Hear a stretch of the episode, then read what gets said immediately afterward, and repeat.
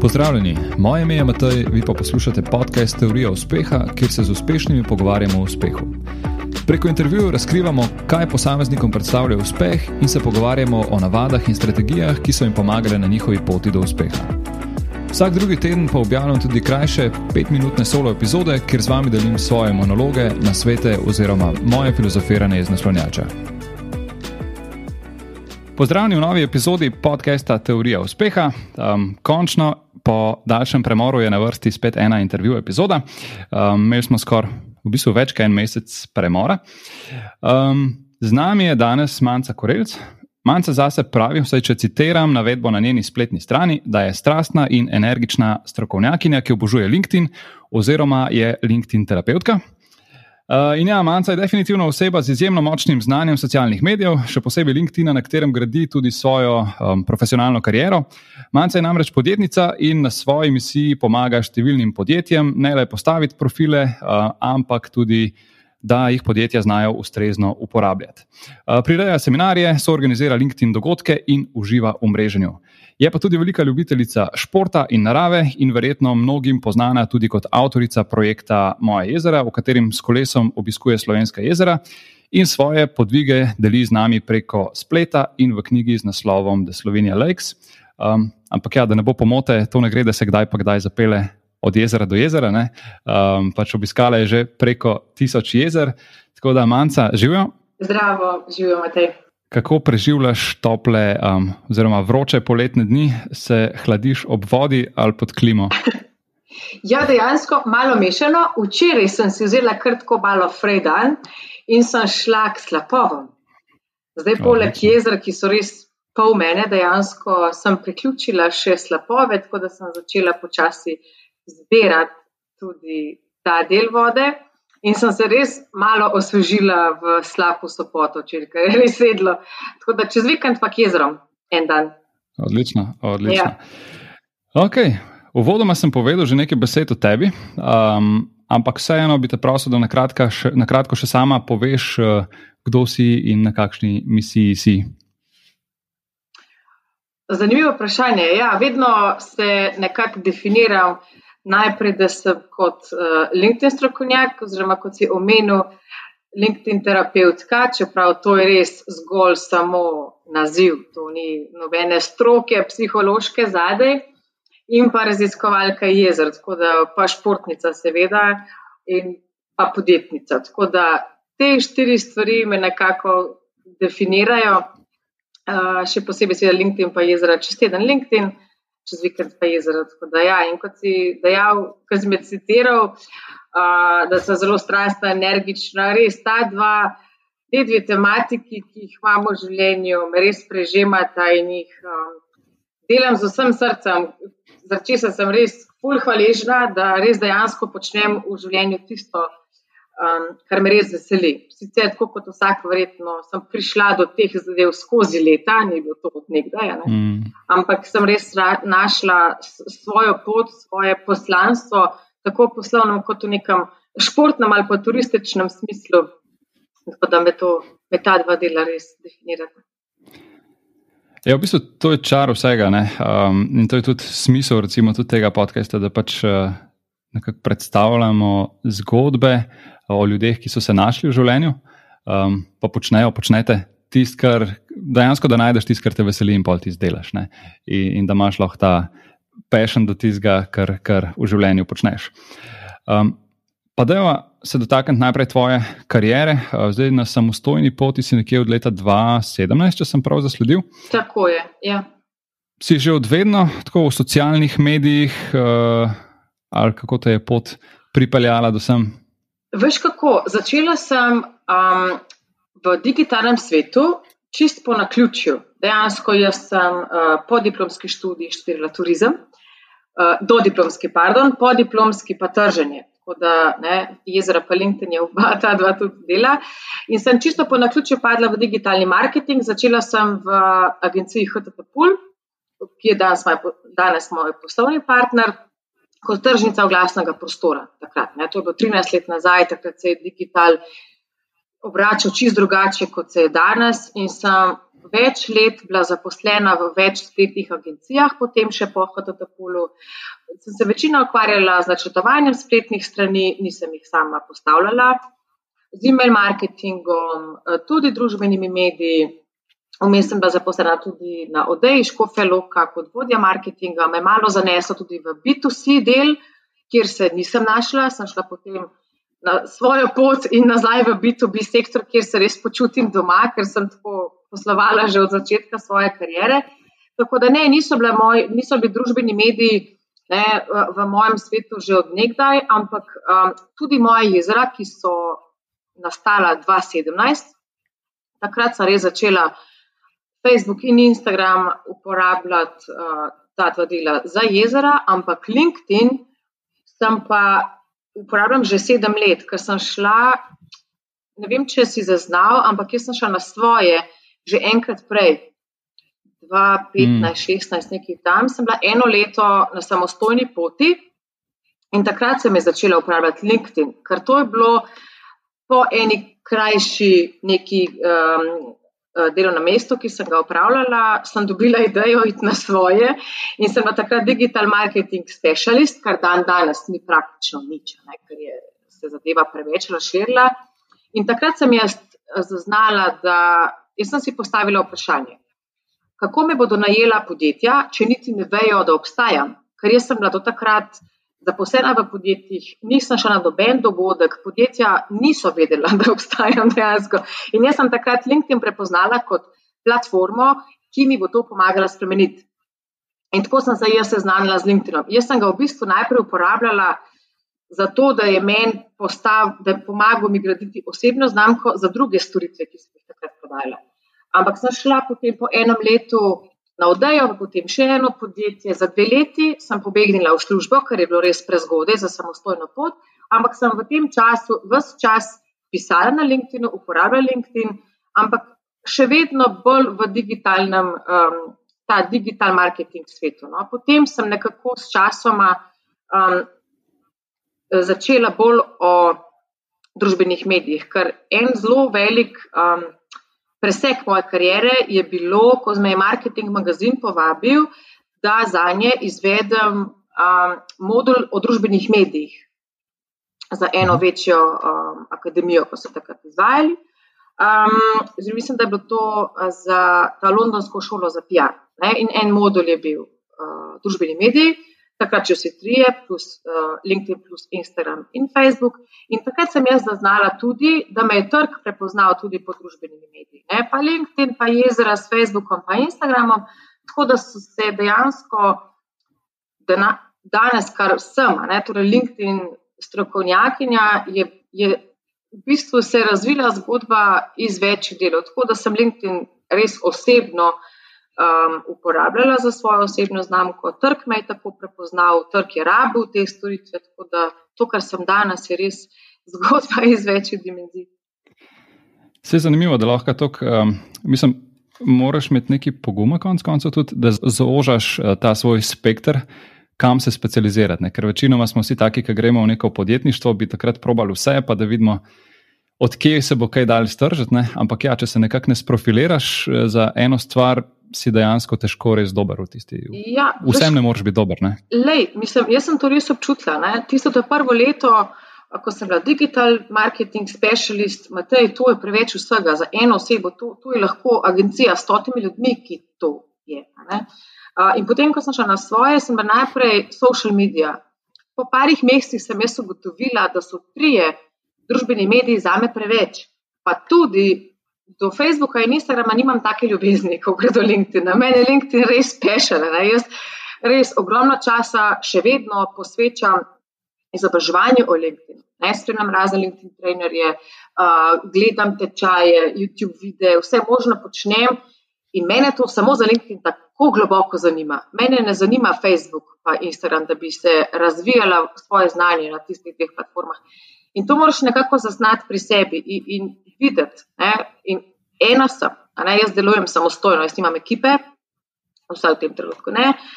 In enostavno moraš vedeti, v čem si dober, kar te res zanima. In jaz želim, da moje stranke vidijo in vidijo in čutijo, da je to me res mene to res strašno zanima, jaz sem res pešen, da imamo to narediti. A veš, za, za druge stvari v digitalnem marketingu nimam take strasti več, kot imam za LinkedIn, ker sem tudi nehala razvijati.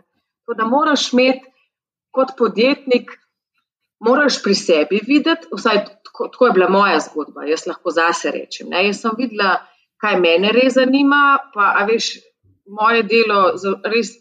Meni veliko časa vzame, da se še vedno učim, da sem up to date, kaj se dogaja, kakšne so novosti. In če me to ne bi zanimalo, mi to ne bi bilo všeč. Jaz pa želim, da mi je všeč moje delo, ker to tudi čutijo moje stranke, so z mano zadovoljne in dejansko živim pa svoje poslanstvo. Ne? Če ne bi, če bi delal neki samo zato, ker manjka na trgu, tudi ni ta prava, ta prava pot. No. Ja, za mene. Dolgoročno je ta, is, ta iskren pristop, recimo, je sigurno dolgoročno ja, najboljši. Ja. Ker pač če se nekaj delaš, pač slejko prej se to ugotovi, da, da to ni to. Ne? Se čuti, da to je sigurno. Tudi na LinkedInu. Ne rabiš videti človeka, pa mogoče včasih res čutiš, da, da ni to mogoče čez njegovo srce dejansko, kar je dal ven. Okay. Pred kratkim si objavil en članek z naslovom, zakaj bi v letu 2021 in kasneje mogel vsak podjetnik uporabljati LinkedIn. A se lahko malo dotaknemo tega članka? Eh, oziroma, ni treba, da se članka dotakne, ampak tako, zakaj, zakaj po tvojem mnenju ne bi vsak to uporabljal? Veš kaj? Um, jaz, kot pravim, jaz LinkedIn jemljem zelo osebno. Uh, in meni je LinkedIn ogromno dal, ne samo kariero. Ne? Ja, mi pomaga ustvariti kariero, ampak LinkedIn je prostor, ki je, jaz ga primerjam z velikim virtualnim dogodkom. In tam najdeš ljudi, ki niso lahko samo tvoje stranke ali pa tvoji bodoči zaposleni. Ampak jaz zelo verjamem, ker sem na lastni koži ugotovila, da je povezovanje med ljudmi izrednega pomena, ne glede na to, kar počneš. Pa ne govoriva zdaj, da moramo mi dva skupaj narediti en projekt. Ne? Ampak že recimo to, kar imamo zdaj, ta tvoj podcast, je neko povezovanje ljudi, dveh ljudi in zagotovo bova konc tega pogovora oba nekaj od tega odnesla je lahko to samo dialog, je lahko to samo neka ideja.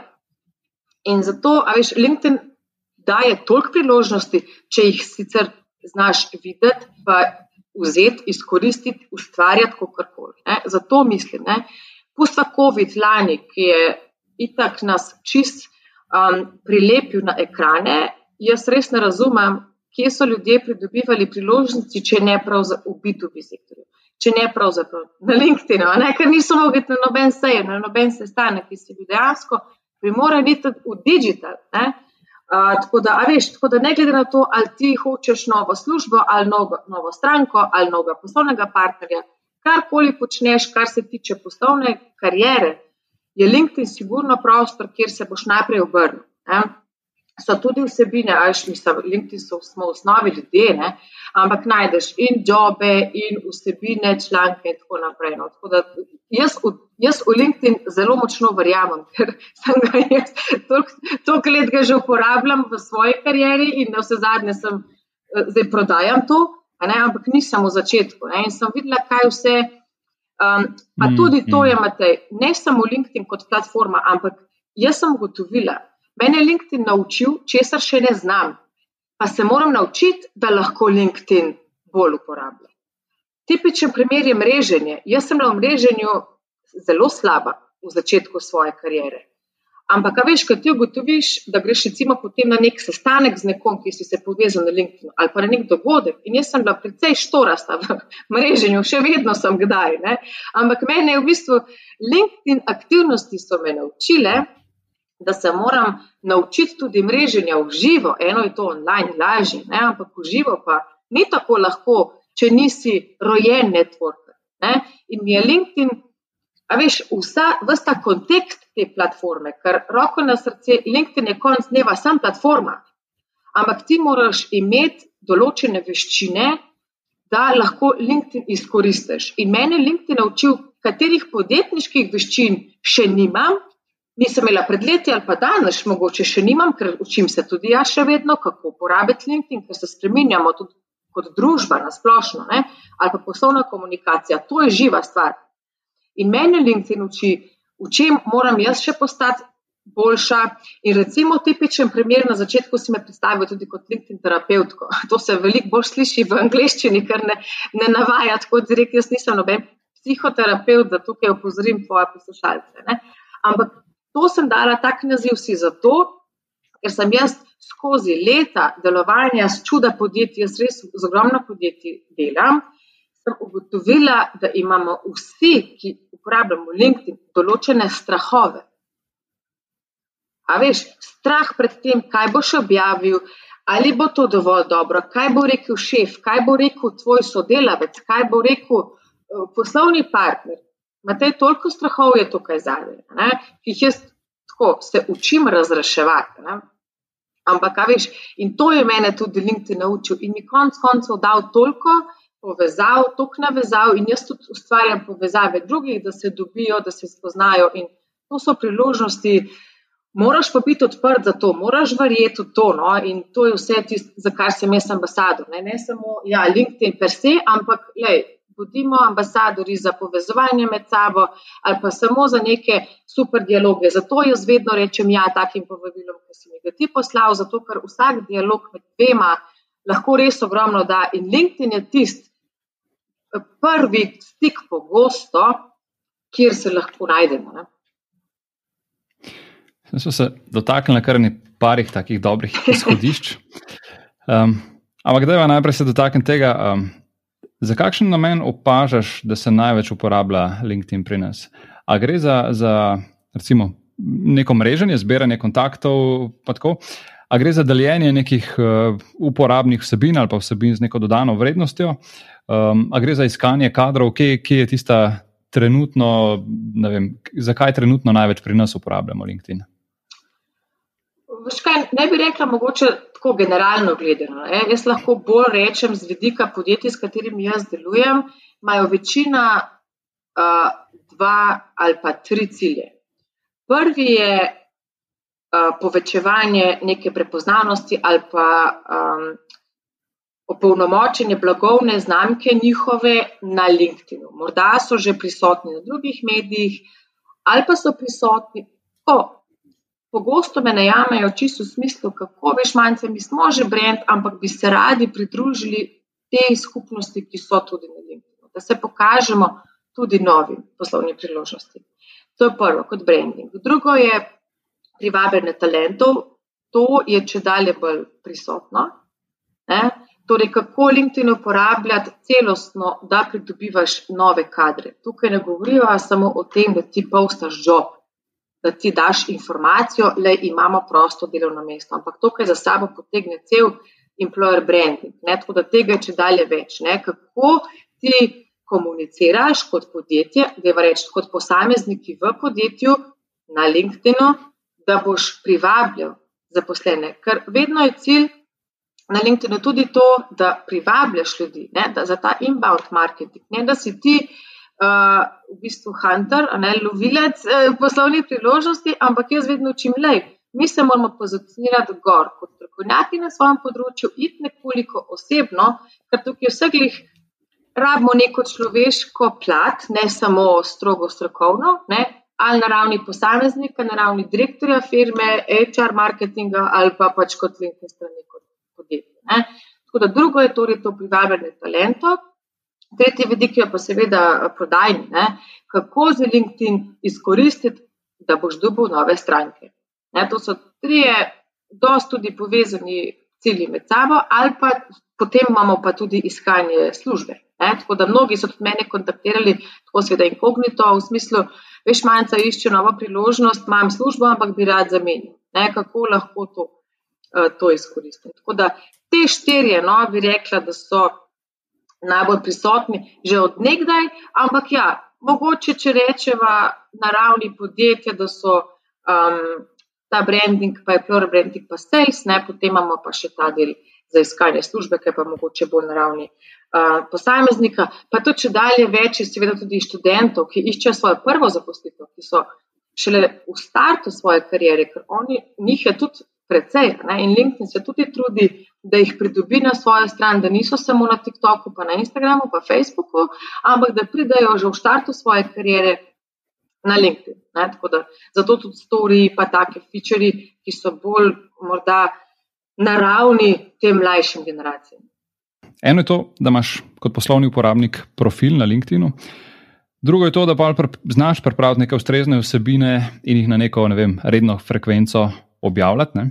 Um, tretje je, da recimo vključuješ zaposlene, da sodelujejo vem, pri pripravi vsebin ali pa, ali pa da se pojavljajo kot vem, um, del podjetja, da, da se vem, zaposleni pojavljajo v objavah in tako naprej. Ne?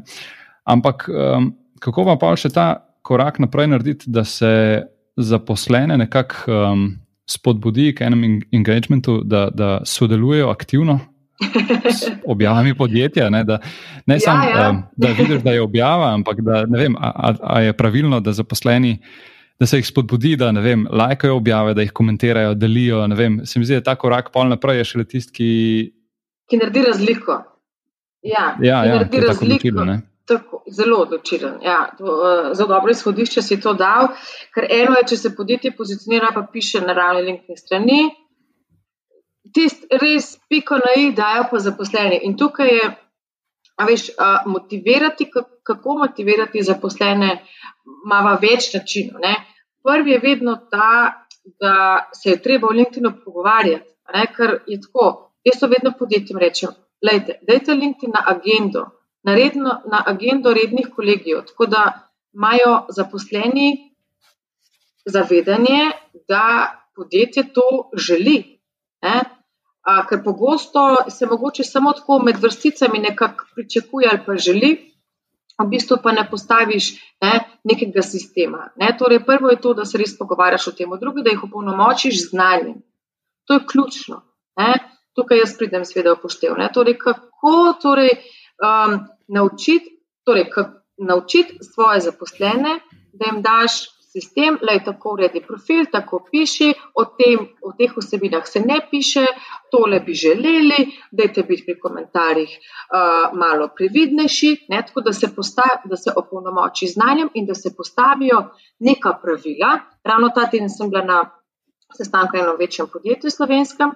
Uh, in so rekli, ne, da imajo jasna pravila, na splošno tudi v PR, ne samo za LinkedIn, pa social, ne, ampak da, imamo, da imajo pravila, kaj se sme, česa se ne sme. Ne. Uh, to plus sistem, plus tudi to, da se pomaga z, z vsebino. Ne. Ali pa tudi, da se mogoče tudi s pogodbo uh, dejansko um, nameni čas, ki ga ima posamezni zaposleni za LinkedIn. Ne, to je pogosto, mm. največkrat je vzrok čas, ki ga nimajo, ne, ki jim v bistvu podjetje naloži še LinkedIn. Ne. Morda se pa ne pogovarjajo ali se pa premalo pogovarjajo o tem, zdaj, kako časovno, ne, kako naj jaz um, dodatno investiram, namenim dve uri svojega časa med delnikom za LinkedIn. Ne, da, ampak vedno gre najprej, a veš, jaz bi rekla tukaj, da, bi, da morajo biti podjetja zelo transparentna, povedati na glas, lej, um, vaših deset, teh, teh deset zaposlenih, ki želite biti naši ambasadori, da se pove jasen cilj, zakaj bi oni to želeli, da se, da se pove, lej, opolnomočili vas bomo znanjem, pomagali vam bomo z osebino, povedali, kaj objavite, povedali, če se ne objavite, organizirali bomo fotkanje, tako da boste imeli lepe profile, da boste imeli fotografije, s katerimi lahko nastopate na LinkedIn. Torej, ta del, da zaposlenim pomagaš, da so tvoji ambasadori, ni samo, ne, da, da imajo profile, ampak je celoten ta sistem in da se predvsem res pogovarjajo o tem, kaj se sme, kaj se ne sme, kaj so dobre prakse. Da se učiti od, vem, eh, od podobnih podjetij ali pa iz tujih podjetij, pa predvsem, da je to, to treba vedeti, da je večen proces. Tudi moje LinkedIn aktivnosti so večen proces, kot sem že menila.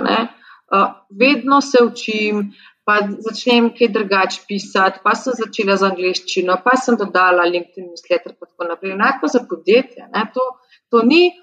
A veš, morda včasih preveč zakomplicirajo, da rabijo neko hudo strategijo, pa želijo vse videti naprej. Ne veš, ker se učimo sproti. Tako da je, jaz tukaj namigujem, predvsem na sveda menedžerje podjetij, da rečejo: Lejte, imamo odprte roke. Tole bomo zelo veseli, bomo pomagali vam z znanjem, z vsebino, s fotografijami, s teksti, uh, z, z delavnicami, ne, med sabo si bomo pomagali in tako naprej. Tako da odprto, uh, z odprto komunikacijo je v to smer in vedeti, da je to um, proces, ki traja večno in ki bo mogoče učink bil. Verjetno bo kasneje, ne, ne po treh mesecih, mogoče, ampak da bo en čas trajalo, da začne to učinkovati. Ne. Pa treba res verjeti v to zgodbo. Ne. Treba res verjeti, da lahko zaposleni pomagajo, ne. ampak jih je treba polnomočiti znanjem, kako pa se pogovarjati o tem. No. To, to pa me res misijo, da, da, veš, da, da se o teh stvarih res pomagajo, na, pogovarjajo na glas, ne. o čem se sme, po čem se ne sme pisati. No. Ker to dosta tišijo. No kakšen jezik pa ne bi se uporabljal na LinkedIn-u. Ker jaz opažam, da tisti, ki imajo neko ciljno publiko na domačem trgu, na LinkedIn-u piše, pišejo v slovenščini. Um, ampak pa pa pogledaš, ko uporabljajo pa tudi vem, Instagram, pa isti up, uporabljajo angliščino na Instagramu. Uh, tako, zanimivo mi je, zakaj na enem omrežju pišeš v slovenščini, na drugem v angliščini. Konec koncev targetiraš isto publiko. Ne? Ja, ni nujno, veš, uh, LinkedIn in Instagram sta zelo na drugem planetu skoraj ni nujno, targetirajo isto publiko. Zdaj, če govorimo o enem podjetju, recimo, ki ima LinkedIn stran, pa Instagram um, account, ne, pa da ima zelo srodno recimo, vsebino. Je tudi enako, ne? vedno tako, kot se reče, izhajamo iz tega, kdo so naši kontakti v mreži. Um, ampak jaz vam, če dalje več ljudi tujcev, uh, zelo se veliko pogovarjam tudi s kakšnimi tujimi LinkedIn trenerji, da si izmenjamo izkušnje in nekako želim, da razumejo v tem, o čemer pišem. Ne. Je pa res, da kombiniram dva jezika, ne. pišem tudi v slovenščini. Če je kakšna stvar zelo lokalnega pomena, recimo delavnice, ki jih izvajam, so večinoma v slovenščini, potem nagovarjam kar v slovenščini. Ne. Ampak, ko pišem pa splošne mislim, vsebine, kako uporabljati LinkedIn, sem se pa odločila za angliščino, ker želim pa nagovarjati širšo javnost. Širšo. Ja, mm. ja, ampak tukaj, veš, ni, vedno rečem, ni enoznačnega odgovora, kaj, ne, kaj je tisti primarni jezik. Uh, LinkedIn Translate je tudi precej dober, ne, tako da lahko z enim klikom tudi razumeš, pravzaprav tujec lahko razume slovenščino, ne, čeprav tisti en klik je pogosto preveč, ki ga moramo narediti. Um, tako da uh, je tukaj res. Uh, Jaz vedno rečem, da če želite iti globalno, potem bo verjetno angliščina. Če je pa tudi res tako. Ne? Če dam eno podjetje, ki je globalno, lahko se tudi odloči, da če je nekdo mogoče za dah regijo, pa naj se odloči za nemški jezik. Ne? Tako da je tukaj zelo individualno. No? Ampak izhodišče je pa tako, kot si omenil, ja, pišemo v jeziku naših kontaktov. Ali pa bodočih kontaktov, ki jih, želimo, ki jih še želimo dobiti v našo mrežo. Um. Ok, da ima se še ene moje dileme dotakniti. Jaz imam LinkedIn profil, kaj pa vem, po mojem, deset let ali pa nekaj takšnega. okay. In v bistvu še nikoli nisem nobene stvari delil, pa nisem nobene stvari objavil. Um, pač, okay. Lajkam stvari, um, ja. ampak nisem pa nikoli kaj bolj se. Um, upletel v kakršne koli vsebine.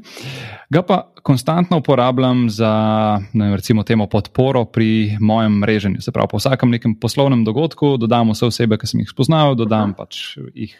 Jih um, poklikam na LinkedIn, tako da smo povezani, in pa tudi uporabljam vem, chat, če kdaj karkoli rabim, da povem, da tam pa tam smo se spoznala, kako koli. Um, pa sem v bistvu začel razmišljati, da bo pa potrebno tudi aktivirati socialna mreža za namen tega podcasta. Um, in sem ti postavil Facebook profil, Instagram, zaenkrat sta še oba zelo tako, um, pasivno jih uporabljam, v bistvu jih skoraj ne uporabljam, no sem jih sam postavil. Um, pri LinkedIn-u sem se pa malo zataknil, ker v bistvu nisem, nisem vedel, ali bi postavil um, profil teorije uspeha ali je to nekaj, kar bi pod svojim imenom uporabljal. Um, Pa v bistvu sem bil na začetku povsod v tej dilemi, ampak pa sem se pri Facebooku in Instagramu odločil, da naredim um, teorijo uspeha.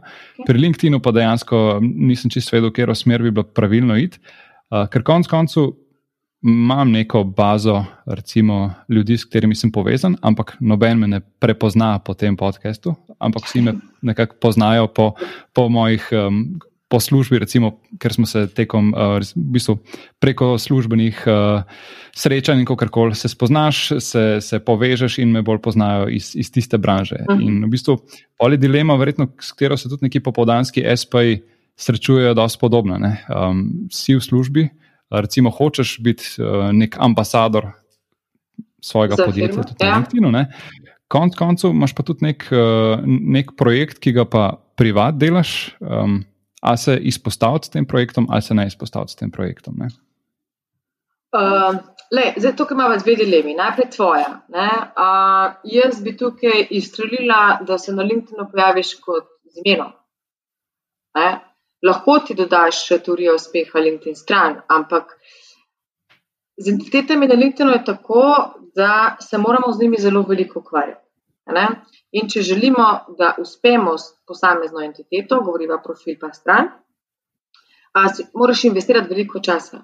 A veš, in v B2B je vedno, vedno je najprej ime. Jaz vedno učim, vedno si najprej Matej, potem si teorija uspeha ali pa v firmi, v kateri delaš, ali pa tvoja podanska dejavnost, ne? če bi jo imel. Tako da vedno izhajamo tukaj iz imena. Ne? Tako da tukaj začniti kar lepo kot Matej objavljati in pusti za enkrat LinkedIn stran, ker ni tako pomembno, ker ti bo vzelo preveč časa in boš slejka prej obupal. Ne? In boš potem mogoče nehal vse početi, ne? kar je velika nevarnost. Tako da začni s profilom, tukaj sploh ne dilema. Če imaš pa druga dilema, če si pa zaposlen, ja, če si pa zaposlen v nekem podjetju, pa imaš popodanski SP, ne? Uh, je tukaj pa vprašanje, ali je to povezljivo s tvojo firmo, ali se celo izključuje um, je problem, ker želimo na LinkedIn ali pa na splošno um, graditi osebno znamko, če govorimo o ljudeh, osebno znamko, da nas prepoznajo po eni stvari. Ne? Je zelo težko, da, da si na eni strani finančnik, ki, vem, prodaje, ki ustvarja lesene uh, izdelke. Zdaj sem kar nekaj izmislila. Ne? A veš, in boš v tem delu LinkedIn težko uporabljal za oba dela. Ne? To, kar ti delaš, si zaposlen v finančnem podjetju, ampak imaš podcast, ki je zelo povezljiv, ker to oboje je v B2B sektorju. No, tista drug del bi verjetno uporabil kakšno drugo platformo. Ne? Je pa to zelo spet individualno, uh, ali to za podjetje. Ok, ker če si zaposlen, vse jih moramo razumeti, da smo na LinkedIn najprej smo to v, ime, potem so podjetje, v katerem delamo, potem je pa na tretjem mestu tista dejavnost. Zdaj, če, ni, če se malo povezuje, ok. Če pa ni čisto najbolj povezana, je pa treba malo razmisliti globlje. težko reči, kaj je bolj prav. Konec koncev, um, vedno se treba prezentirati tako, da si nekako zvest samo sebi, ne? verjetno, in da pokažeš, kdo si. Um, Dobar. Če hočeš se sprofilirati, verjetno sem ti zdaj sebe, za katerega se hočeš pokazati, ampak vse en, um, če rečemo, ne vem. Jaz sem ta, ki je podcast host in hkrati sem nekdo, ki je nekje zaposlen. Ne? Ja. Um, verjetno sem lahko ambasador podjetja in hkrati delim neke, neke vsebine. Ne? Um, Sigurno si to lahko, ker roko na srce, tistim, ko si ustvarjalec takšnih vsebin, ti, a veš, pozitivno energijo ali pa, da jim rečeš, nek imič, kako koli daješ tudi na podjetje. Veš, jaz, če bi bila menedžer podjetja, v katerem si ti zaposlen, bi jaz to uh, spodbujala. Ker ti delaš, a veš, dobro zase, s tem si ti uh, bolj verjetno produktiven v podjetju, ker če ti to ustvarjaš rad, potem ti to boš ustvarjal, ne? ali boš v tem podjetju, ali boš pa v kakem drugem podjetju, če, te bo, če to, temu podjetju to ne bi bilo všeč. Recimo, Tako da um, za mečka zgubila misel. No, ampak ja, sigurno uh, lahko, a veš, združiš, ampak vseeno z nekim um, razmislekom. Mečka sem zgubila tvoje vprašanje, mm. če mi ga postaviš. V bistvu, hotel sem samo to, da, da v bistvu moraš biti konec koncev zvest samo sebi, pa se ja. prezentirati kot. Kot jaz. Le, to pa sigurno. Veš, ampak imam tudi jaz, recimo, večkrat dilemo, ne, če govorimo o moj LinkedIn, pa moja jezera. Ne. Jaz o jezerih ne govorim pogosto o LinkedIn-u, ker ta projekt raste na drugih platformah, je pa res, ker sem lani izdala knjigo, pa ker sem imela dogodek za predstavitev knjige, pa kakšne take stvari objavim tudi na LinkedIn-u, ker vse bolj verjamem, da vseeno, a veš, mi, ki smo profil, mislim, če govorimo o LinkedIn profilu, to, to je oseba, to, to ni neka entiteta, če tako pogledamo. Ne? In če mi delamo več stvari, ni slabo, če na LinkedIn to tudi omenjaš občasno. No? Sem zelo za. Je pa res, da um, s tem naplavimo pogosto glih ta strah, ne? ki jih imajo uh, zaposleni v podjetjih, koliko daleč jih na LinkedIn. Ne? In rečem vedno, le svojo mejo, koliko daleč greš ti kako daleč boš posegel v svoje življenje, ali pa kako daleč boš spustil svojo LinkedIn mrežo, vsak ima svojo mejo. Je pa res, da vedno moramo biti le, ja, moramo ostati mi, pa tako, to je vedno nek rdeča nit vse komunikacije, kjerkoli. Um, tako da je pa, a veš, to je tudi strategija vsebinska, ki se razvija skozi leta, tudi moja se razvija, se spreminja in ko jaz začutim, kaj večkrat povedati o jezerih na LinkedInu, tudi povem. A, a veš, tako da je to pogosto tudi vstaj za me, ki, sem, veš, ki nisem zaposlena v podjetju, gradim, močno gradim svojo osebno znamko, mislim, želim ustvarjati močno znamko. Um, je na nek način lažje, ker sem, veš, sama presodim, kaj, kaj bom dala na LinkedIn ali ne, ne. Zato pa pravim, v podjetjih je pogosto ta dilema, kaj objaviti, česa ne. In zato je ta pogovor tako pomemben. Se lahko podjetje tudi na ravni posameznika.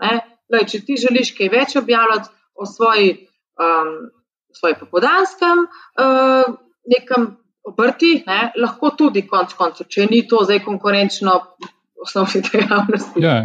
Tako da vedno ja, izhajamo iz tega, kako daleč želimo, pa da, smo, da ohranjamo svoj jaz. Kakšna pa je neka optimalna frekvenca objav?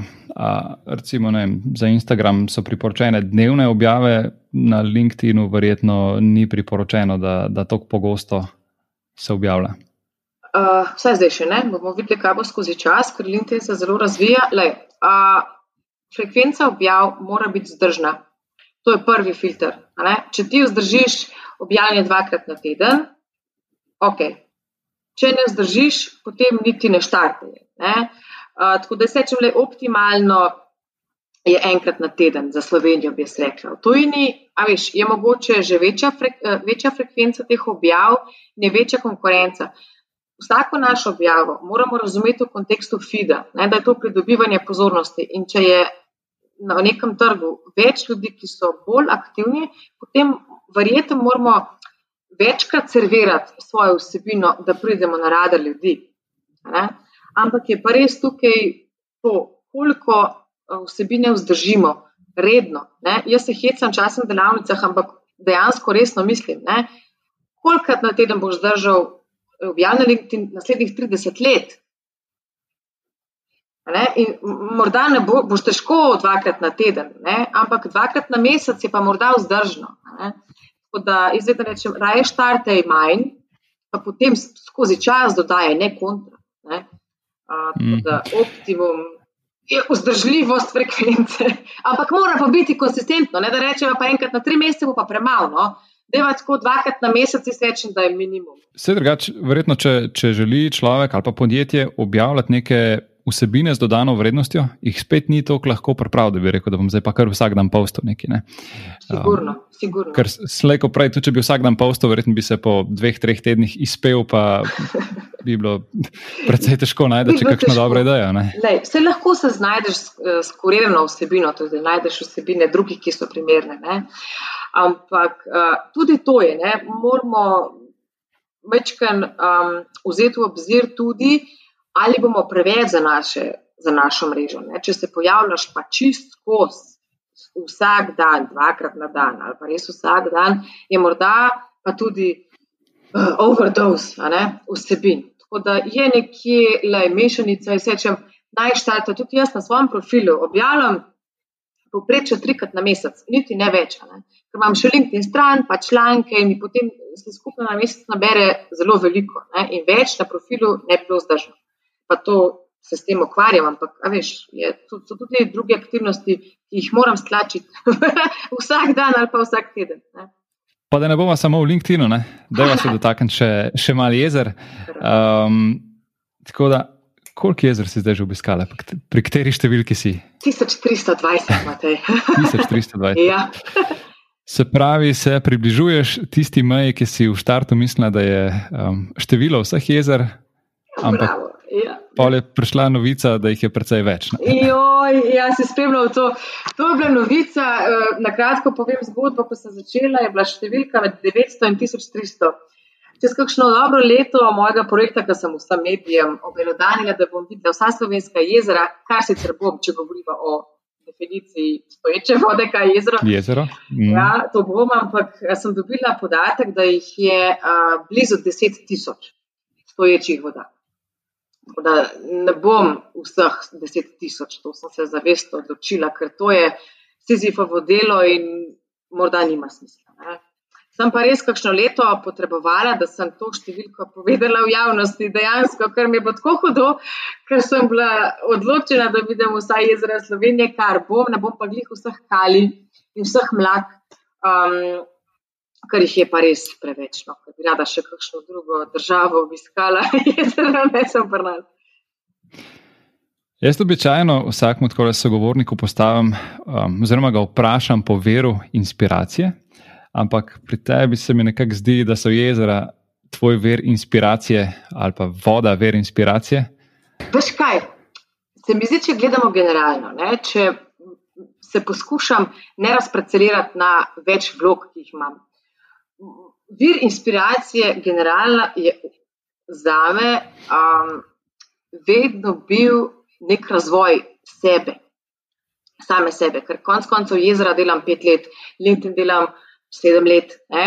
Uh, ni to od leta nič, ne? ampak od nekdaj, včasih me je zelo, zelo, pa še vedno me šport, uh, ker sem poskušala biti vse boljša in sem se pol, zelo veliko no, ukvarjala s rekreativnim tekom, uh, pa potem kolo in tako. In sem vedno premikala svoje meje fizične zmogljivosti.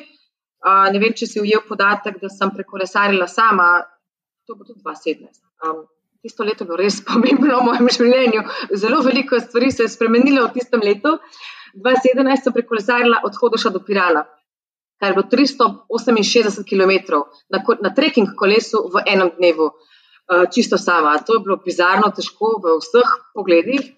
Um, me to me navdihuje, kaj lahko še jaz naredim v sebi več. Tako da iz tega so nastala jezera, iz tega je nastal LinkedIn, uh, iz tega, a veš, nekako črpam um, generalno. Ja, voda je pa ja, a veš, ampak preden so bila jezera, uh, sem jaz dobila nekako, vse čas imam to, to težnjo po razvoju same sebe in, in tako, to, to, to me, to me drive naprej. Ne, tako da tudi v jezerih me to, koliko številka, koliko je lahko meni tako. A veš, po vseh teh letih je še vedno mi je tako, a veš, 1320, pol bo jutro, bo še malo več, ko grem uh, v Belo krajino spet. A veš, to, to me tako nekako dajva, kaj lahko še naredim. To, to je zanimivo, iza zadnje. To je bilo pa tisto, da je narediti socialno mrežo, pa predstavljati ta projekt, da je spletno stran postaviti, da je knjigo ja. izdati.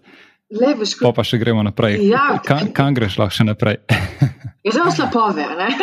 Zdaj sem si našel še slabove, sicer tukaj nimam, nimam uh, motivacije videti vseh, no, nimam volje. Ampak tako, te ta lepe ali pa tiste ta skrite, bistrčke lepe, to pa no. Uh, ampak ja, kaj še lahko? je koliko še knjig lahko, kako je za to? To je, je zabavno no. in, in, in stresno hkrati, ampak ja rabim to, rabim ta razvoj same sebe in to me ponaša tako. Iz tega črpam vse te mm. projekte. Mm. Zdaj je crka eno leto, odkar je bila knjiga izdana. Ja. 25. augusta. no, evo, ja, um, kako, kako se je prijela knjiga, kakšni so feedbacki? Um, sploh zdaj v tem času, ko smo bili veliko doma, se mi zdi, da je ta knjiga tako super uporabna, ja, si lahko dobro koristne na svete kam. Tako se tudi povečala prodaja, seveda, potem, ko pride pomlad, poletje, ker ljudje res uh, grejo ven. Ne? Imamo več, uh, tako knjiga, da je res, res zelo sprejeta. Um, sem že pod vtisom prve obletnice, ker se spomnim um, predstavitve knjige. Ker je bila ravno 25. august, je bil dan, ko sem jaz prvič dobila knjigo fizično v roke. Ob 9. zjutraj, ob enih, sem imela v konzorciju v Ljubljani um, dogodek za novinarje, ob 6. popoldne pa na Zbiljskem jezeru za 80 ljudi.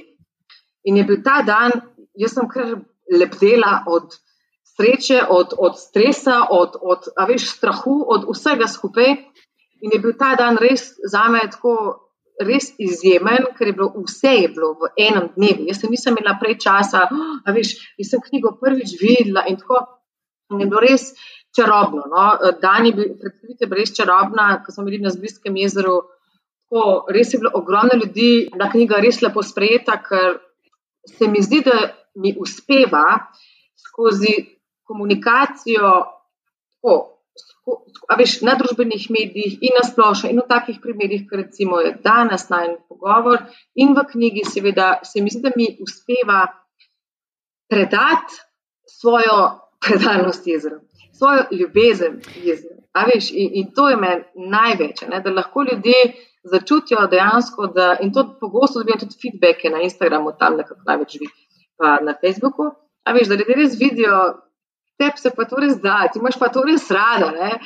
Škaj to jaz ne delam zaradi denarja, jaz tem, a veš, to ni monetiziran projekt, ne? jaz to delam, ker pač moram, ker čutim, da moram. Ne? In je to meni največ. In v knjigi se, če prebereš knjigo, res čutiš, da, da je to meni mišljen. V bistvu meni je ena, ena taka zdaj mi na misel prišla včeraj, ker sem. Včeraj sem imel v roki in knjigo, in um, tudi uh, spletno stran sem gledal. Ja. In v bistvu sem se malo začel sprašovati, Slovenija je tako majhna, um, ampak v bistvu jo sploh ne poznamo. Ne? Iščemo vse možne variante izven naših meja in mislimo, kaj vse moramo videti. Ja. Ampak konec koncev pa ne poznamo ne vem, jezera, za, ki nam je tukaj za vogalom.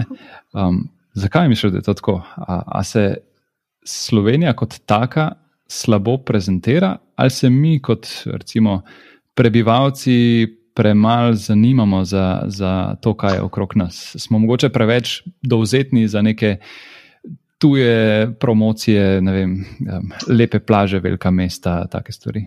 Ja, jaz mislim, da, to, da imamo vsi ljudje to težnjo, da je, veš, grass is always greener on the other side. Ne? Da tisto, kar nimamo ob sebi, da je vedno bolj privlačno. Ali govorimo o krajih, kamor greš na dopust, ali govorimo o čem drugem. In, in mogoče res ravno ta majhnost Slovenije, ki jo vedno poudarjamo, uh, da občutek, da je teh stvari zavideti še manj. Ampak jaz rečem, lej, pet s kolesom čez Slovenijo, ne bo tako majhna. Meni Slovenija ni več majhna, ker, ker grem največkrat grem s kolesom, kamor se pač odpravljam, sicer z avtom do točke, pa potem s kolesom okol. Um, in, a veš, če želiš videti vsa jezera, Lej, jaz govorim skozi prizmo jezer, ampak če, vidim, če hočem videti vsa jezera, jaz jih nam nikoli mogla videti vseh deset tisoč, ker nam živela to klet, sploh s kolesom. A veš, in je naš odnos do stvari, ki so nam blizu, je prešibek.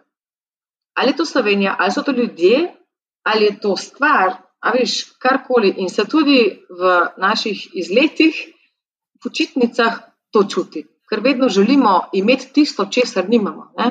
In lej, tudi jaz do jezer nisem imela pojma v Sloveniji. Lej, na kratko povedem, nisem imela pojma, kaj imamo vse.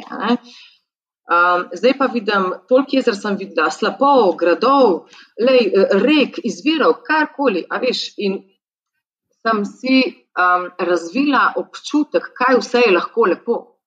Ni lepo samo, če govorimo o jezerih Bajkalsko, ki je ga moram enkrat obiskati, ki je blazno ogromno, pa zaledeni, pa až, so tam eh, doživetje povsem drugačne, kot jih imamo lahko tukaj. Ampak maj, viš, majhno jezero lahko zelo veliko da, če dopustiš to, če si sebi dopustiš, da ne rabim bohinja, jaz rabim meter kot meter jezero, pa je meni dost, ne, da meni da. A veš, da si razvijamo ta občutek, kaj majhne stvari lahko dajo. A veš, smo lahko veliko krat več srečni ali pa zadovoljni, veš, da rabimo še dalje manj, ne? kar je paradoks, ne? ne če dalje več. Ne? Mogoče se moramo preprosto kdaj ustaviti ob nekem jezeru, pa, pa mu dati priložnost, ne samo hiteti ja. mimo tega jezera. Pa, mimo, pa ni rečeno, da mora biti jezero, ne? lahko je nek bajer, mlaka, kar koli. Ja, ampak... Jaz jezero vsem stoječim vodam rečem. Ok, pa da ne bomo predolga, da je če na tiste um, standardne vprašanja, ki jih vedno zastavim gostom, tako na, na um, okay. pogovorih. Um, kakšna je po tvojem definicija uspeha, oziroma kakšna je tvoja definicija uspeha, oziroma na koga te asocira beseda uspeh in zakaj? Um, tudi definicijo uspeha se zelo razvija in se, se spremenja. Včasih se mi je zdelo, da je uspešen tisti, ki je uh, mogoče podjetniško uspel, ima veliko reč, denarja, tako zaposlenih, tako je odmeven, ampak se mi zdi, da je, da je za me, uh, moja definicija uspeha za manjco korelc, uh, je to, da, um, da razvijam tudi svoj notranji mir, da razrešujem uh, stvari, ki so me vsa, pa me še vedno, vsa leta, travme iz otroštva in tako naprej, ne, da se zdaj dotaknemo mogoče še malo tega psihološkega dela podjetništva, a, ki se kaže vsak dan in potem, ko to ozavestiš, res vidiš, kako, kako si pod vplivom nekih nekdanjih um, ozorcev. Tudi meni je uspeh to, da se jaz razvijam in da. Um, Škaj, da počnem stvari, ki jih res imam rada. Če govoriva o karieri, recimo, le tudi svetovne raziskave, nimam, mislim, nekje imam podatek 70%, zdaj COVID je to veliko spremenil, ne, da, da 70% nekaj tašnega ljudi niso zadovoljni v svojih službah, da ne delajo tistega, kar, kar imajo radi. Ne. Meni je to uspeh, le, da si lahko, a, da počneš večino časa, le vsi imamo tudi v podjetništvu vso stvari, ki jih jaz res ne maram, ampak jih pač moram početi. Ne? Ampak da tako generalno gledano, da je uspeh to, da, da najdeš nek sebe v nekih smislu, ali je to v karieri, ali je to v odnosih, ali je to v športu, da nekako prideš do, do tega, kdo si. No? Čeprav naj se ne sliši to zelo tako banalno, pa plehko, ampak. Um, Tako, jaz sem v lanskem letu imela uh, res uh, precejšnje izzive, um, ki sem jih morala reševati z, uh, s terapeutko, uh, in je meni tako res razrešilo marsikesa. Zato sem tudi LinkedIn terapeut, ne, o tem nisem še toliko pisala. Ampak v bistvu veš, vse te stvari nas uh, opominjajo tist, na naš manjko. No, reševanje teh svojih. Um, pomankljivosti, ki jih imamo, zaradi mogoče določenih uh, preteklosti. To je za me uspešno. Pa se ta vprašanja v bistvu so, se slišijo mogoče banalne ali pa preproste, ampak v bistvu so najtežje za odgovor. Ja. Kdo sem jaz? Ja. Zakaj, ja. zakaj delam nekaj, kar delam? Ne? To, to, ja. to je ful težko, ampak pa enkrat. Priješ temu do dna, ti pa olajša življenje. Precej, ja, viš, ampak je um, tudi če pa se to verjetno traja, jaz nisem še prišla čez do dna, kaj, kdo sem jaz, pa kaj je moje poslanstvo, pa kaj je LinkedIn, pa zakaj jezera, pa ne, vse to. Ampak veš, izjemno uživam v tem razvoju. To je za me največji uspeh, da, da izjemno uživam v tem procesu, ki se dogaja. In še niti približno nisem tam, kjer bom, recimo, čez pet let ali pa deset let ali pa čez dva tedna. Veš, ampak to, no, da se spopadamo uh, sami sabo, da, da, tako, da najdemo mir sami s seboj, ampak seveda strokovno pomočjo, ker sami res ne moramo priti do tega, ker nas manjka dejansko, jaz to sem 100%. Ampak ja, pa tudi um, odnosi. No, vse se res ogromno o tem govori, predvsem v nekem podjetniškem smislu, ampak na ravni posameznika imamo verjeten. Uh, Veliko ljudi imamo uh, kakšne izzive, ne, tudi na ravni nekih čist zasebnih odnosov in to. Uh, to je ta uspeh, ki bo, se mi zdi, da če dalje bolj opažen in željen. No? Nematerialni svet, to tudi, seveda, vse rabimo to, ne? brez denarja ne moreš živeti, ampak ta, ta drugi del, da si v sebi uh, živ in da si v sebi miren. Pa še nekaj, kar v bistvu vedno, sploh podjetnike, zelo rad vprašam. In sicer um, za doseganje rezultatov je pač uh, potreben kar dober fokus. Um, Ampak sploh v današnjem času se mi zdi, pa sploh s socialnimi mediji, zelo radi zaidemo iz poti, ne? ker si damo neki cilj, kaj bomo ne, danes naredili, pa nekaj začnemo, pa, pa človek izgubi fokus. Pa včasih je to nekaj, kar je dosto momentalno, včasih pa izgubiš fokus tudi lahko za dlje časa. Um, kako si ti pomagaš, da držiš fokus, oziroma kako si ga povrneš, če ga zgubiš? Lej, tudi mene konstantno odnaša na družbenih medijih, lej, nisem imuna na to, da me kar odnese za nek kos časa. Ne? Ampak um, jaz verjamem, da če, veš, če si na pravem mestu, v nekem službenem smislu, recimo, se ti vrne fokus, ker to rad počneš. Ne? Mene odpihne. Veš, grem na LinkedIn, pa me kar odpihne, pa lajkam nekaj, pa komentiram ali pa kaj berem, a veš, pa, pa, pa prideš nazaj. Ne? Tako da ta fokus držati, lej, izreče tako. Um, Generalno ga seveda imaš, če res počneš tisto, kar ti je fajn. Ne?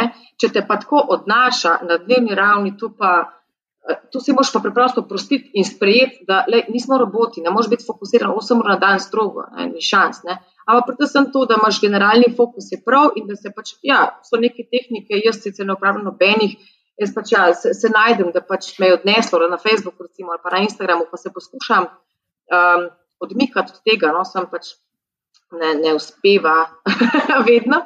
Ne, ampak ja, jaz mislim, da le, preprosto sprejeti, pa biti dober do sebe malo uh, tako pričakovati veliko, ampak vse jih si, si pa dopustiti, da, da nas bo odnašalo. No? Ampak ja, jaz mislim, da je fokus tudi na, um, na mlajših generacijah veliko manjši, kot smo ga imeli v naših mladih letih ne? in bo to postalo del družbe in se bomo mogli, verjamem, da nekako temu kar prilagoditi.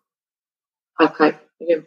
Um, Da, da, bo, da bo vse teže, no, pa ne samo za družbenih medijev, nasplošno za tehnologije, nas pogosto ne, odmika od fokusa, ker smo pač bombardirali s toliko različnimi informacijami in je teže mehansko držati fokus miselno. No. Ja, v bistvu svet je poln distrakcij. Tako, nimaš ja, se kam in... zapreti, da jih ne bi imel. Ne. Ja. Mi dejansko živimo s tem. Kaj, ja, ena distrakcija je čisti pičen primer, kaj sem se jaz navadila. Eh, zaprem mail, Outlook, zaprem ko nekaj želim delati fokusirano, a veš, zaprem to. Le tipičen primer, nobenih notifikacij imam na telefonu, nič me ne opozarja. To je zelo majhen del, ampak meni zelo učinkovit. Nič mi ne piska telefon, razen če me kdo kliče ali pa če imam SMS. Nič drugega. Nobena aplikacija me ne opominja, ker to je tisto, kar to pa lahko spremenimo. In sem se navadila, da če ne vem. Ne. Je pa res, da grem potem samodejno, recimo na Facebook, pogledati, ne. ampak imaš pa toliko več distrakcij. No. Tako da, le, mogoče verjetno kakšna meditacija je nek del, ampak kaj veš, se umakneš za nek čas v, v neko samost ali pa samot ali pa v tišino. Ampak generalno gledano bo pa svet če dalje teži, kar se tega fokusa tiče, ne bo lažje. Ne? Taj teh distrakcij bo vse več, ne? jaz verjamem. No? Um, tako da se bomo mogli ja, skozi čas uh, naučiti s tem živeti. Ja, ne, ne, bo, ne, bo, ne bo šlo drugače, jaz verjamem. Mene je zanimivo, da v bistvu imamo vsi neke ideje, vsi bi bili vem, podjetniki, imeli bi neke svoje projekte, karkoli, ampak redko pa pride pri teh idejah do realizacije. Kaj po tvojem mnenju loči tiste, ki se pa lotijo dela, pa realizirajo nekaj, neko idejo, od tistih, ki pač ostanejo sam pri ideji? lej, dam primer, recimo, moja jezera. Jaz se spomnim, ko sem dobila fiksno idejo, da to moram narediti. To je bilo decembra 2016, čez tri mesece je bila spletna stran postavljena. Veš, in jaz sem na takrat sem eno idejo, izmerš sto drugih idej. Ne. Jaz sem bila, da nekaj moram narediti, čutila in je to dejansko bilo. In to živi še naprej. Um, in potem bila knjiga. Veš, ampak je, ne vem, težko rečem, ne, ampak jaz sem res, če veš, če čutiš vse, da to moš narediti, da brez tega nekako ne moš preživeti, ker bi zelo težko živela zdaj brez jezer. Včasih si predstavljam, kam iti na izlet, da ni jezer, je moj prav, a greva lahko kdaj, kamor ni jezer. Sploh pač ne znam planirati življenja si izletov, da je vseeno jezero, ne? v štuli menga. A veš, tako da če teh idej preveč, potem sigurno nobena ni prava. Ne? A veš, zdaj ali se naučiti, kako mogoče neko idejo združiti, ampak ja, Veš, mene so recimo tudi rekli, jo, pa zdaj boš mogoče knjigo o slapovih napisala. Ne, ne bom, ne, vse je ideja, sem potegne za sabo tak angažma mojega časa in moje energije, da, da ne, ne. Razen, če bo mogoče začutila enkrat, potem ja, ampak veš, moraš vedeti, se mi zdi, da je motiv teh idej zelo pomemben. Ne? Ali ti čutiš, da je to, moraš ti dati ven, ali je to zdaj v trendu, ali to začutiš, aha, konkurenca ima, jaz moram tudi to, urma, sosedama, jaz moram tudi to. Moj, ne vem, kolega iz branže ima tudi to. A veš, jaz mislim, da je motiv tukaj zelo pomemben. Um, ali pa mogoče tudi tisti pritisk na sebe, kako mora biti to silno inovativno. Vem, moje jezera niso nič inovativna, je zelo preprosta ideja v svojem bistvu, ne? ampak je bila tako moja, pa tako se mi čutila, da je to res razraslo v, v taki širjavi. Tako da motiv jaz bi rekla, no, da je mogoče tisti filter, da se vprašaš, zakaj to počneš, a zato, da boš ti zdaj izpadel dobro pred, pred očmi drugih. A veš, tako, morda to, no, sem. To bi mogoče kakšen psihoterapeut bolj znal pojasniti, jaz to nisem. Ne? Ampak je to, če čutiš, da je to res tvoje, da je pol bo sigurno uspešna, ampak ta uspešnost, kot smo se že o tem pogovarjali, je pa zelo relativna. Ne? A veš, če govorimo mm. o jezerih, yep. Ja. ja, mislim, o, o finančni uspešnosti ali pa psihološki uspešnosti, le, a veš, je zelo uh, relativno. Ja, pa verjetno, če čutiš, da je to nekaj, kar želiš, moš tudi hitro narediti prvi korak. Ne? Ker če, če ne ja, narediš nekaj. Ja, to pa, veš kaj. To pa je, ja, no. to, to, to je pa, ja, sigurno, pa, veš, da začneš, isto kot z LinkedInom. Jaz vedno rečem svojim strankam, le začnite, pust strategijo, pust tri stranske, 30 stranska pravila, leva, da je začni, ker se naučiš skozi delo. In vsaka ideja se, veš, razvija sproti. A veš, vse ideja za Izrael je tako preprosta, ampak se razvija, pa slabovi so kar naenkrat ratali, ne lani, ne, letos. Mm, mm. Tako, a veš, in se razvija sproti ideja ne boš je verjetno čist narisal na papir, pa bo to to. Moraš iti prvi korak, pa pa krit, pa pa kar nadaljevati, pa če čutiš kar delati. Pa, veš, če pa skozi čas ugotoviš, da to pa ni tvoj, svet lahko pa tudi opustiš. No. Ampak ja, ta motiv, po mojem, je res bistven. O tej zgodbi, pa da res začneš, no, to, brez akcije, pa, pa nič ni, ne, ideja pa ostane ideja. Ne. Pa vedeti, da bo res nek angažman, ne, se veš zase, za svoj podcast. Lej, ni to samo ena ura, ki se z mano pogovarjaš, ampak je, a veš, to kur prej in pol. Ne, in moraš to vedeti. Ne, in, in, veš, če nisi pripravljen na to investicijo energije in časa, pa že ni prava ideja, pa ni tvoja ideja. To nekako tako. Ja, se če nekaj počneš z veseljem, pa ni težko investirati tega časa. Ne? Če pa je nekaj tako, kar ja. sem videl, da ima sosed, pa bi imel tudi jaz, pa, pa verjetno Lej, se bo slejka zataknil. Točno to, slejka prej se boš ustavil, ko se ti ne bo dalo več. Je pa tudi res, da, a veš, težko pa delaš uh, zelo veliko stvari, zelo dobro. Veš, sej, vedno je neka žrtev, ne? vedno je neka žrtev. Ali ne vem, premalo športaš na drugi strani, ali meni se časih zgodi, da kar pozabim jesti. A veš, pa tudi ni dobro. Ne? Ampak, veš, časih, ker LinkedIn res, LinkedIn narotam izobraževanja, jaz pozabim na, na vse skupine. Veš, pa pozabim jesti, pa se spomnim, pa pit.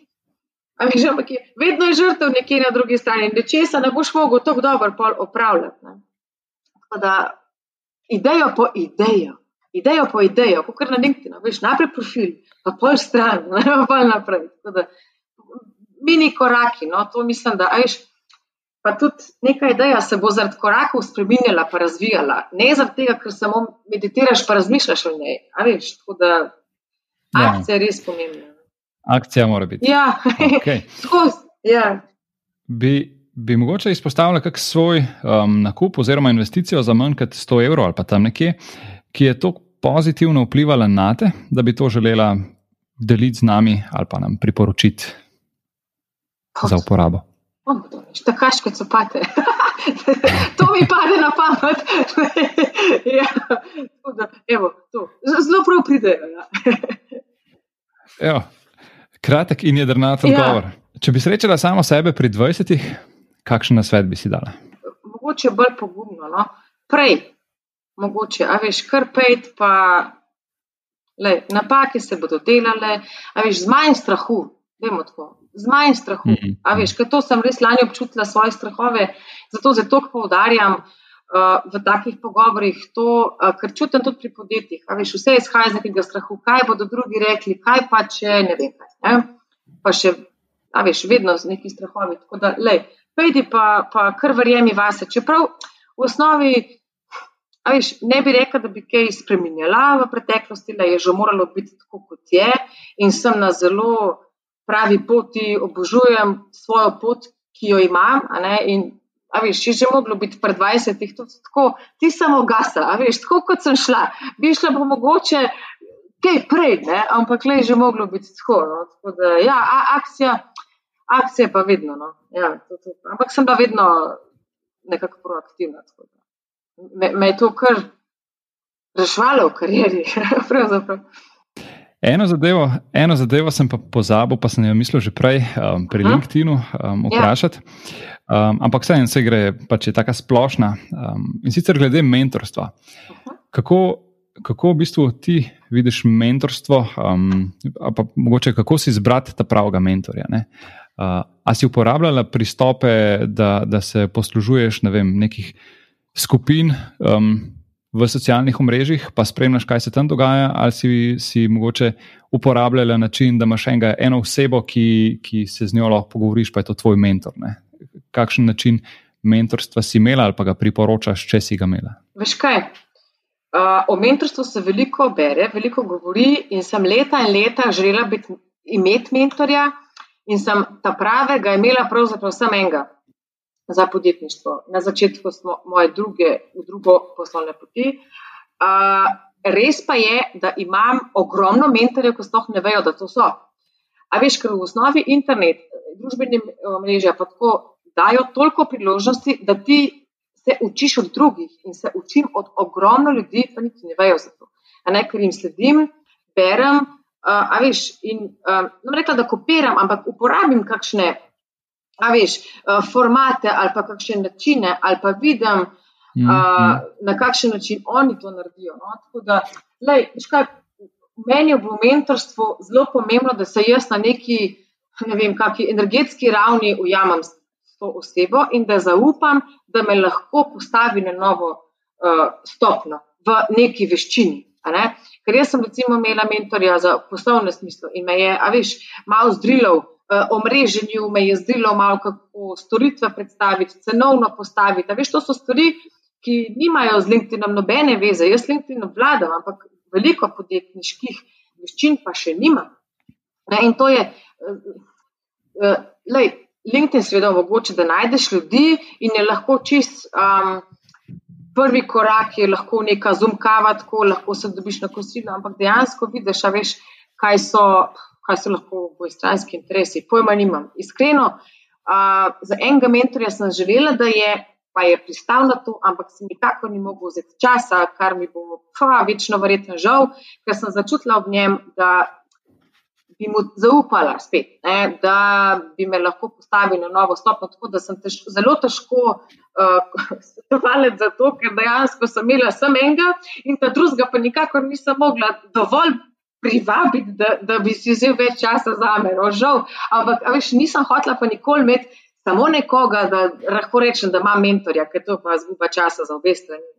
Uh, tako da, lej, veš, kaj je edino mogoče za, za uh, en res na svet, ki ga bi jaz mogoče lahko tudi prej začela uporabljati, da preprosto vprašaš, veš, da preprosto kontaktiraš človeka, pa da nimaš tega mm, mm. občutka, joj, on je pa menedžer neke firme, pa kaj bolj, a veš, To bi mogoče sebi dala le pred 20 let, da se ne postavljaš v podrejen položaj, zato ker si ti začetnik, on je pa že tam.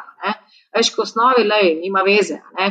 da pristopiš. No, A veš, to, to je na svet. Pristopi, če misliš, da ti lahko določena oseba pomaga, živijo, Janes, le, spremljam vas že šest let, ful vas občudujem. Jaz mislim, da bi, eh, bi, bi ful, tako sem jaz temu rekla. Ne, rekla, le, prosim, moraš reči ja, ne, ne moreš reči ne, ampak jaz sem si to upala že, si ne bi pet let nazaj pa bi si mogoče lahko. Da, to preprosto reči, vprašaš, no, le, lahko reče ne, pa kaj pol, pa naj. Ne? A veš, ampak to, to je mogoče tisto, kar bi si rekla. 20. 20. Ne, bodi, ne, ne, pri, ne, veš, ne nastopi v podrejenem položaju, kaj sem zasedala, sama zase podrejen položaj v, v odnosih mm. z drugimi v začetku karijere, kar ni prav. Um, a veš, in je, in je to tisto, le, kar, kar bi rekla. No, okay. to, to je to, vprašaj. Pa brskaj, a veš, razišči industrijo, razišči ljudi. Ne? Pa če kom začutiš, vprašaj. No, to, to, ni ni no. kakšne, po moje, hude, hude logike. Odličen na svet. Uh, sama dobivaš že kaj vprašanj na podobnih, tebe že sprašujejo? A da bi bila mentor. Uh, ja. ja, ene parke sem pa dobila in sem na parka tudi sprejela, ampak večinoma sem pa rekla ne, ker mogoče uh, te vloge za zdaj še mogoče ne čutim, no, da bi jaz bila kot mm, mentor. No. Kakšenkrat že, pa sem tudi za LinkedIn sem pogosto tako, a veš, tudi pomagala, pa dala kakšen brezplačen svet, pogosto dajem, ne, že, ne, že z vsebino, kaj še tudi tako. Uh, ampak da bi se pa čutila v tem trenutku kot mentor, pa še ne. Ampak mm, mogoče pa. Okay. Ja. A se v bližini mogoče v bližnji prihodnosti pripravljajo kakšni dogodki online, v živo, um, na katere lahko povaba poslušalce? Ja, uh, v, nimam še ni še objavljeno, ampak eden bo že konec avgusta, ki je pripravila skupaj z Danilo iz um, EduTrainMe. Uh, naslednji bo pa že septembra, ki ima skupaj z Miho Lauterjem, oba seveda LinkedIn. Uh, vsak mečki na drugačen način, tako da, ja, se bo počasi začelo. Jaz upam, da bo sta oba dogodka lahko bila v živo, kar je meni to ljubše.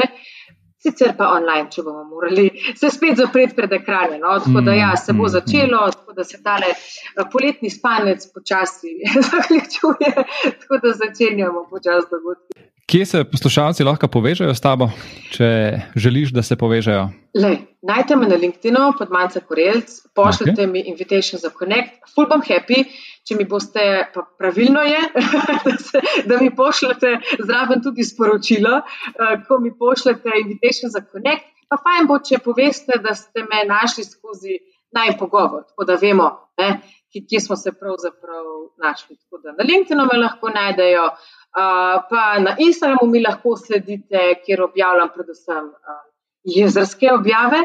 Ne, tako da LinkedIn mhm. živi, mislim, Instagram živi uh, v jezerih, nekako uh, LinkedIn pa v LinkedIn. Ja, potem pa, Manca, res hvala za tale pogovor. Um, mislim, da si postregla z res super odgovori in verjamem, da smo lahko vsi veliko odnesli od tega. Um, in pa vse vabim, da dajmo slediti manjci in njenim nasvetom glede LinkedIn. Um, tukaj tudi sebe štejem, um, da malo se aktiviram. Tako da se opogumiš, da začneš. In pa, ja, dajmo spremljati uh, tvoje podvige glede obiska jezer in zdaj slapov. Ja. Pa dajmo naročiti knjigo, lična knjiga, ki so na vsako polico, pa verjamem, da je zelo primerna za tako lepo darilo, če Sigurno. ima kdo karkoli ja. rojstni dan. Uh, Tako, sigurno. Je bila pogosto podarjena kot darilo, poslovno in sicer. Tako da, ja, to je to. Prišla smo do konca. Hvala lepa. Hvala tebi za lep pogovor. Še ena zadeva, preden greš, oziroma dve zadevi, preden greš. Najprej res hvala za poslušanje podcasta. Če ti je bila epizoda všeč, te vabim poslušati ostalih epizod, tistih, ki so že objavljene in tistih, ki še bodo. Hkrati pa te prosim, da na svoji podcast platformi podaš oceno oziroma pustiš komentar ali pa mogoče še več, da deliš podcast s svojimi prijatelji oziroma osebami, za katere meniš, da bi jih utegnil zanimati. In mi tako pomagaš pri širjenju prepoznavnosti podcasta. Še enkrat hvala in se slišimo v prihodnji epizodi.